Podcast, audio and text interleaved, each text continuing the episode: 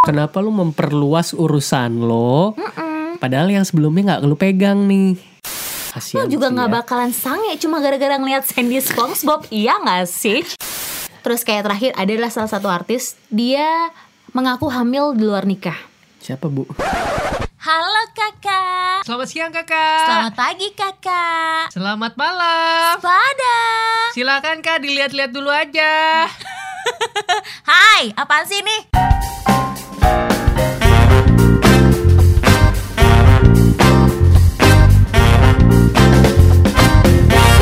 Kala bercerita. Iya, spesial kalau bercerita hari ini kita akan kedatangan bintang tamu Mbak Lucinta ya. Mbak Lucinta apa kabar? ya Tuhan, ternyata bagus suara Lucinta Luna yang asli ya. Aduh. Hai, halo. Kalau bercerita balik lagi di episode 12. Wah gila udah 12 aja ya Nggak terasa 12 minggu berarti kita bikin ini ya 12 minggu itu berarti berapa bulan tuh Sa? Tiga. 3 bulan Tiga cuy bulan. Baru tiga bulan. Astaga Semoga bisa panjang ya. Amin amin amin amin Meskipun anda kadang tidak setia untuk mendengarkan kita Iya, ih udah 12. Naikin dong. Loh. Yang dengerin. Padahal kita udah sebar di mana-mana ya Di Spotify ada Ya. Di Google Podcast ada Ada Anchor juga ada. Anchor ada Kaskus ada. Kaskus sekarang ada Oh ya, eh, follow dong Instagramnya Kala Bercerita. Tapi bukan di Kala Bercerita, at bercerita Kala. Nah, Soalnya Kala konsisten, Bercerita Udah ada yang udah ada yang make. Kenapa nggak ditambahin misalkan kalau bercerita 437 Biasanya kan gitu Kala Bercerita real. Ini loh kalau bercerita yang benar gitu Ya, coba ntar gue ganti ya, Kala Bercerita real. Panjang bu, susah banget sih Sudah ada Risa Chandra dan juga Lugas Pratama. Betul. Seperti biasa kalau belum kenal ya. Tak kenal maka tak sayang. Tatayang ya Tak kenal maka tak tayang. Tapi kalau udah kenal, dibohongin, bisa masih sayang gak tuh? Ya kan perkenalannya eh gue juga ketawa sih gue. eh, Perkenalannya juga kan lewat media sosial Tapi kan lama, ya kan? Ya tetap aja kalau nggak kenalan langsung namanya ya iseng-iseng berhadiah gak sih? Eh, enggak enggak bener-bener. Yang kasus yang kemarin itu yang emang lagi viral banget, yang ada cowok mau nikahin s- cewek, nini nini, Ah. lebih tepatnya. Iya iya iya. Karena disebutnya di nini nini nih, kan nenek-nenek. Atau wanita deh, wanita dewasa. Seorang cowok mau menikahi wanita dewasa yang gagal akhirnya gagal menikah karena ternyata si wanitanya ini memalsukan identitas. Bukan cuma identitas, wajah nomor satu itu adalah hal yang paling dilihat laki-laki pertama kali. Wah, ternyata nggak melihat hatinya ya kalau laki ya. Susah karena kalau ngeliat dulu. hati, ya lo kalau lewat Facebook, lewat WhatsApp dan sebagainya gimana cara yang ngeliat hati?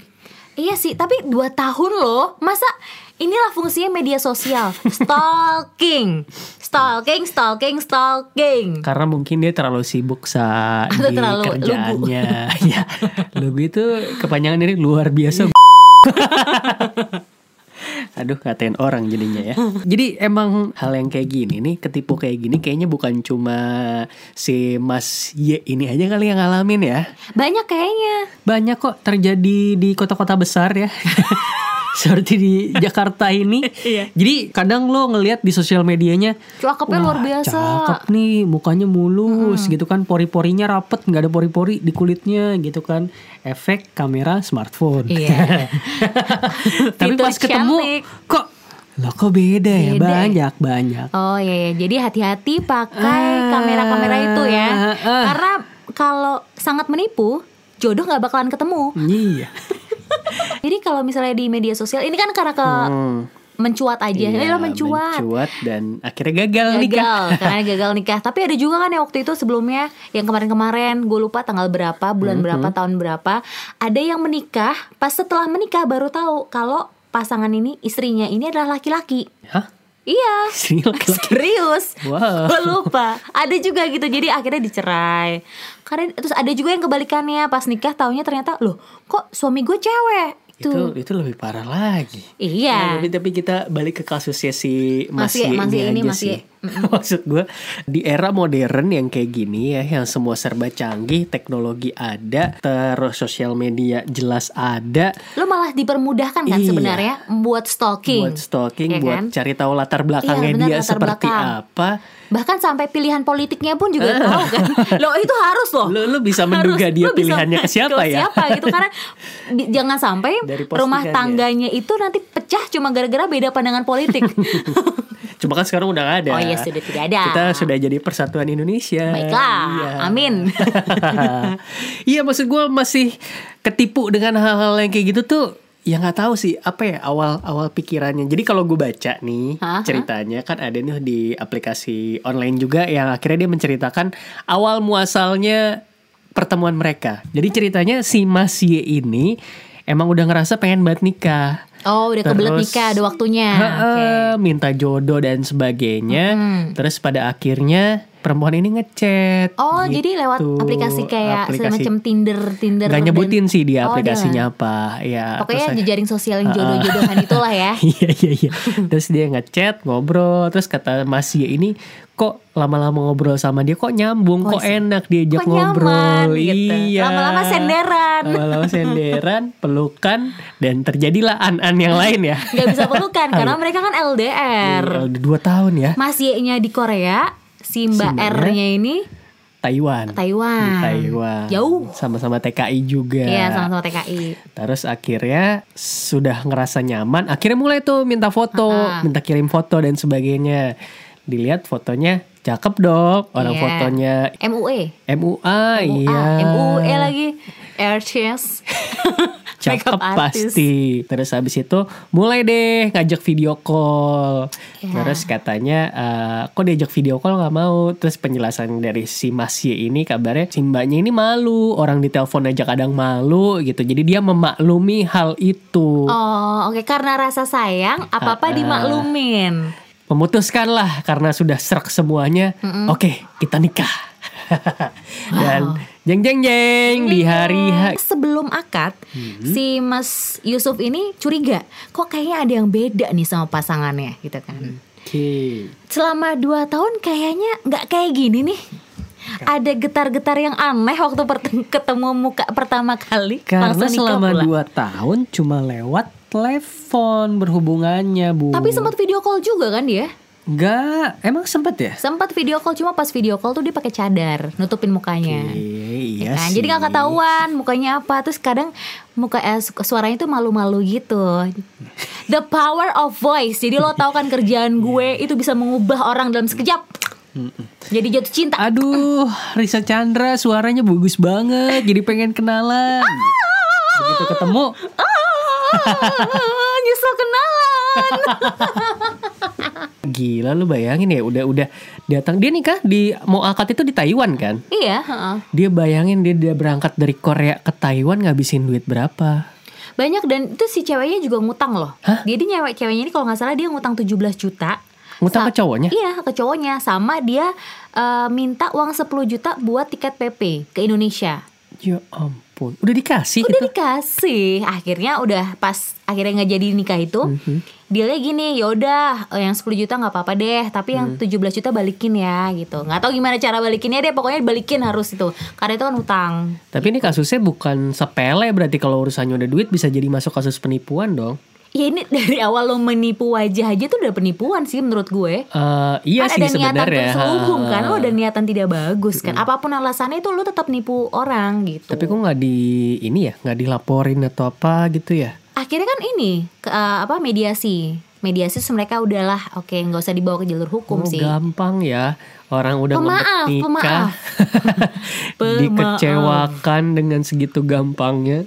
Jangan samain Mas Yusuf sama lu dong. Tapi eh, ada untungnya sih kalau menurut gua nih ya. Ah. Jadi gini, nama namanya Mas tadi kita udah nyebut ya. Oh ya nyebut sih. ya udahlah semua juga lu tahu kan. lagi, lu lagi. Namanya Mas Yusuf ini jadi terkenal loh sampai bahkan dia sempat bikin video di Aha, YouTube mhm. dengan judul Kisah Perjalanan Cintaku yang Keliru. Waduh. Ada dua part ya. Dua part. Ada part 1, part 2. Yang part 1 ini view-nya 22 ribu. 22 ribu. Iya. Wow, kalah podcast kita. iya sih. Podcast kita mungkin masih eh, puluhan hitungan pendengarnya. ya. Dan subscribernya sampai dengan sekarang ada 1200 subscriber. Wow. Luar biasa. Nggak apa-apa Mas Yusuf ya. Mungkin ini jadi salah satu jalan nambah rezeki. Siapa tahu jadi Iya, ini ya. YouTuber. YouTuber. Tapi eh, si mbaknya ini, Mbak Ah, si Robiatul. namanya? Eh, Robiatun ya? Robiatun. Robiatun. Katanya sudah bikin video klarifikasi minta maaf juga. Iya. Dan ternyata di videonya dia masih pakai cadar coba. Luar biasa. Padahal fotonya sudah tersebar di mana pun ya. Mungkin karena yang fotonya itu pakai make up, Mm-mm. yang ini enggak. Oh. Ya Ini beda, beda. Maksudnya apa nih antara pakai makeup dan enggak nih? Lebih Enggak malu, better. Oh, malu, karena belum make malu karena belum make upan, Oke, belum make upan, ya kan? Jadi kalau udah pakai make up mungkin dia akan lepas cadar.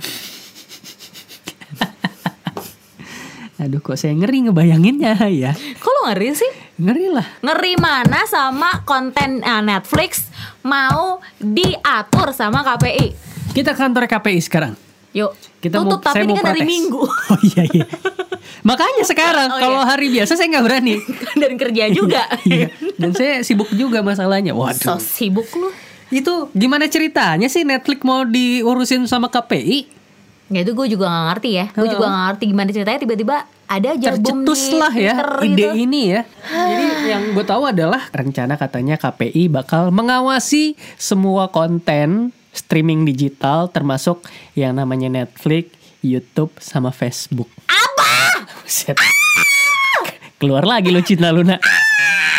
Kayaknya tadi udah diusir sama security. Dan ini parah banget sih. Ini ini banyak banget yang nggak setuju sih Sa. Sampai eh, waktu itu kalau nggak salah kemarin gue lihat hari Sabtu di tanggal 10 ya pas gue lagi siaran. Gue lihat hashtag yang lagi rame itu ah nih KPI jangan ngurusin Netflix. KPI jangan ngurusin Netflix Eh lo sendiri setuju gak? KPI ngurus Netflix Untuk Netflix tidak setuju sama sekali. Karena apa? Ini konten kita bayar cuy. Iya itu gue juga Gue juga gak setuju Ya lo bayarnya nggak murah, ratusan ribu kan untuk satu Iya, bulan iya, berlangganan bener-bener. Netflix ini. Terus lo masih mau batasin. Sementara gua sendiri pun lari ke aplikasi digital kayak gini karena sudah jenuh sama yang media-media yang gitu-gitu ada. aja kan Betul. Honestly kalau yang bidang pendidikan tuh kayaknya TV udah dikit banget ya Apa? Ih program gue masih pendidikan loh Iya, yang- Siotan ya Siotan jam 1 jam 1 siang Hari Senin sampai Kamis Trans 7 Saya promo apa ya? Saya promo podcast aja deh. Jejak petualang juga program saya ya Tapi itu di jam berapa? Siang kan? Siang jadi Iya. eh, Padahal sebenarnya gini kan Untuk tayangan-tayangan kayak gitu kan Ada umurnya kan Mm-mm. Misalnya kalau dulu lo pagi Gue setiap Sabtu Minggu weekend itu pasti nonton kartun. Jelas. Sekarang acaranya musik. Terus kalau enggak Ah. yang gosip-gosip nggak jelas itu jadi asupan makanan ke otak kita.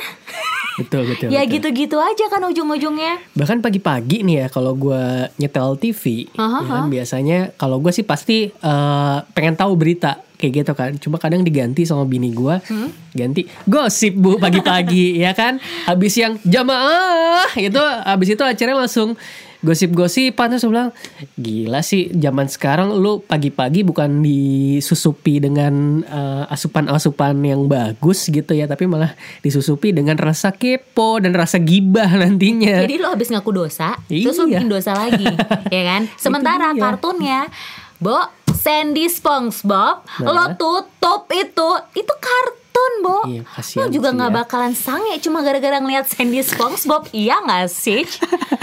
Terus sementara untuk ya oke lah. Sekarang Hmm. gini, kalau di acara gosip apa sih yang di- disajiin? Makin lo ngebum, makin lo nggak ada ininya, makin nah banyak makin banyak kan yang yang nonton, nonton, ya kan?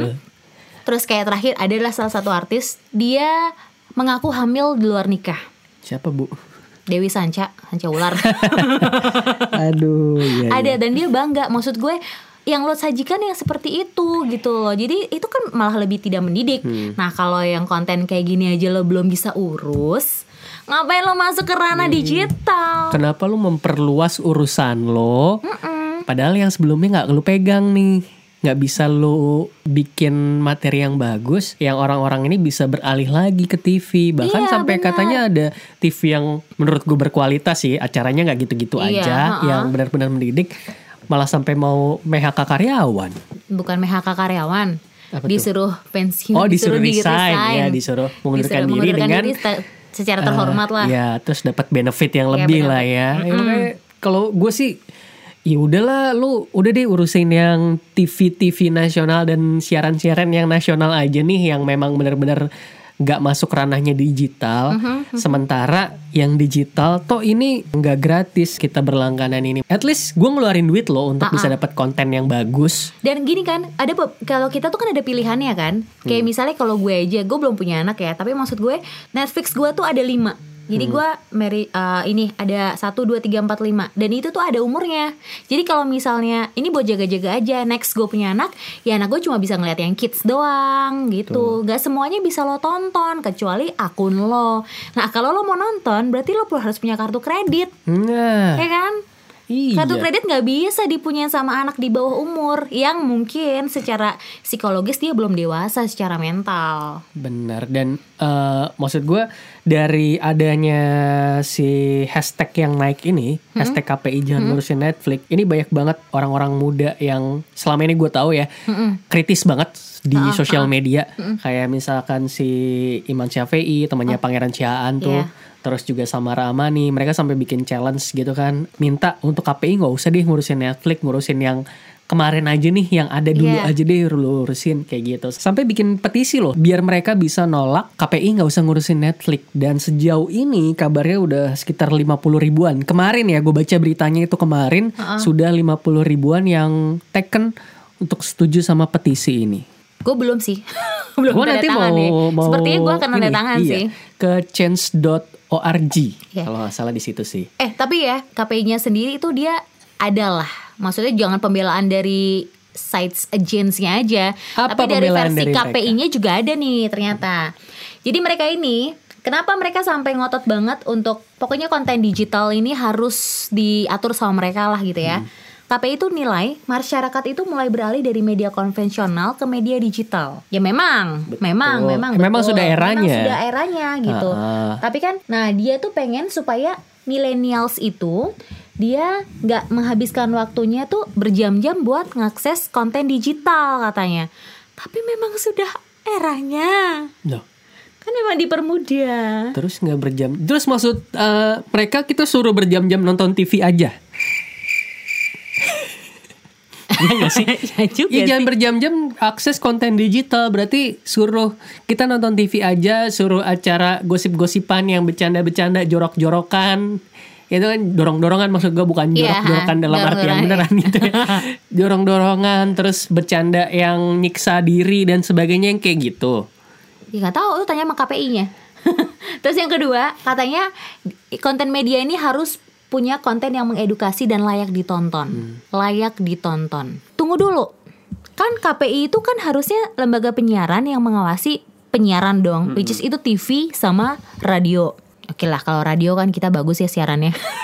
radio kita kan super brand. radio I-radio super brand. Nah kalau TV, kayak tadi gue bilang sama lo, tidak semuanya mengedukasi kecuali program gue. Eh, promo lagi nih. Saya mulai berlakukan tarif ya.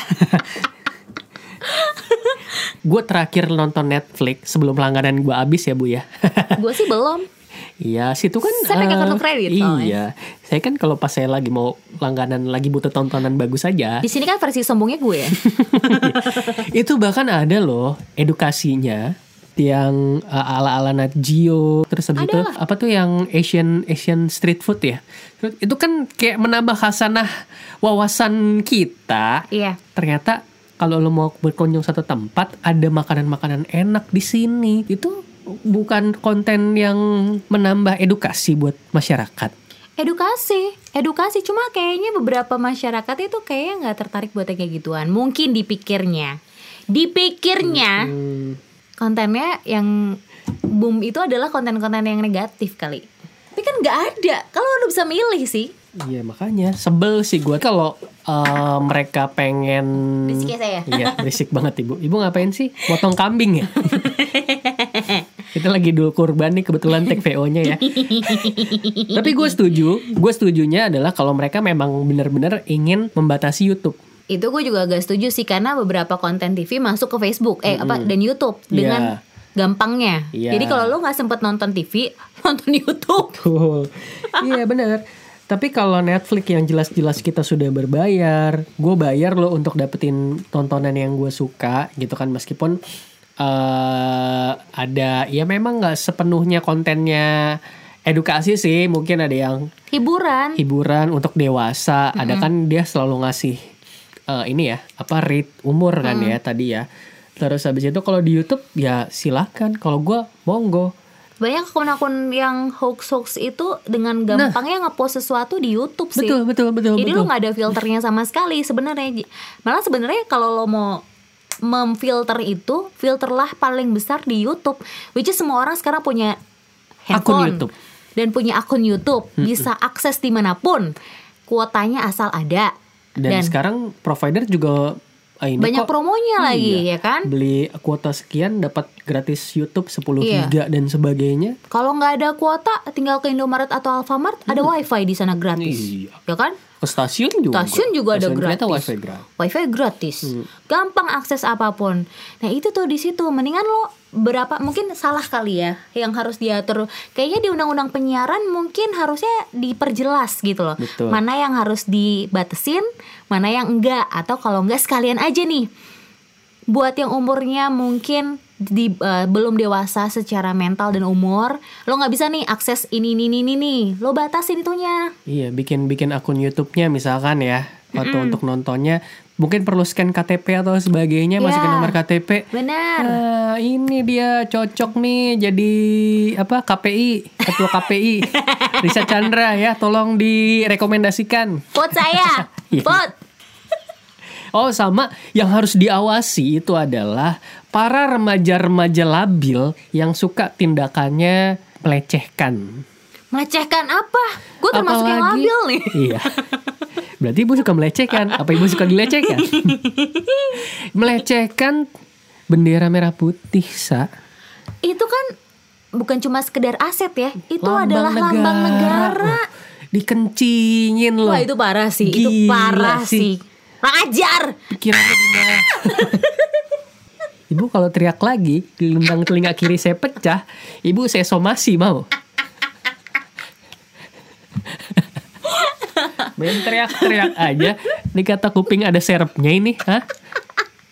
Ya, ya, ya, terus terus terus terus. Iya itu parah banget. Gue gue belum baca detail beritanya sih, cuma dari judulnya aja kayak loh ini anak-anak kok nggak tahu diri anak SMA bukan sih? Iya kalau nggak salah ya. Eh dan tapi di mereka udah minta maaf sih. Dan kebiasaannya di negara plus 62 ya. Mm-mm, negara berflower, Berflower ini abis ngelakuin kesalahan minta maaf dilupakan. kelar. urus. Kelar urusannya. Jadi kayak nggak ada efek jerak gitu loh.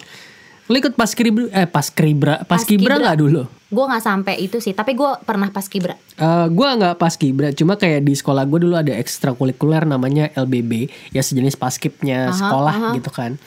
Di situ aja, ibu tahu kan ya kalau misalkan ada tiang bendera pasti ada kayak undakannya gitu, kayak Iya. keramik untuk Ah. menuju tiang bendera. Ada. Itu aja lu nginjak, itu lu suruh dihukum push up loh. Eh, gue enggak sih dulu. Saya ini pemimpin upacara.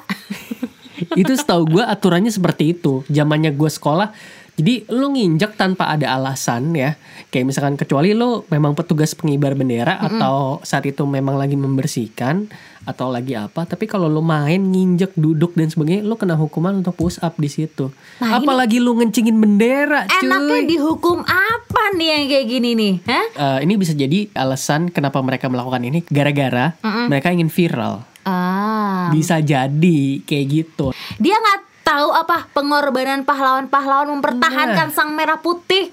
Merdeka! Iya.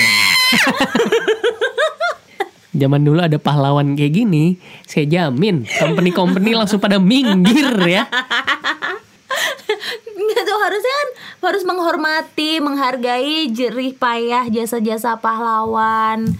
Pakai bambu runcing bisa merdeka coba. Nah. Mempertahankan lambang negara. Kalau nggak ada, ya kalau nggak ada lo masih dijajah. Jangankan bisa bikin konten, bersin aja lo diatur. Mendingan ngatur bersin dibanding ngatur konten Netflix.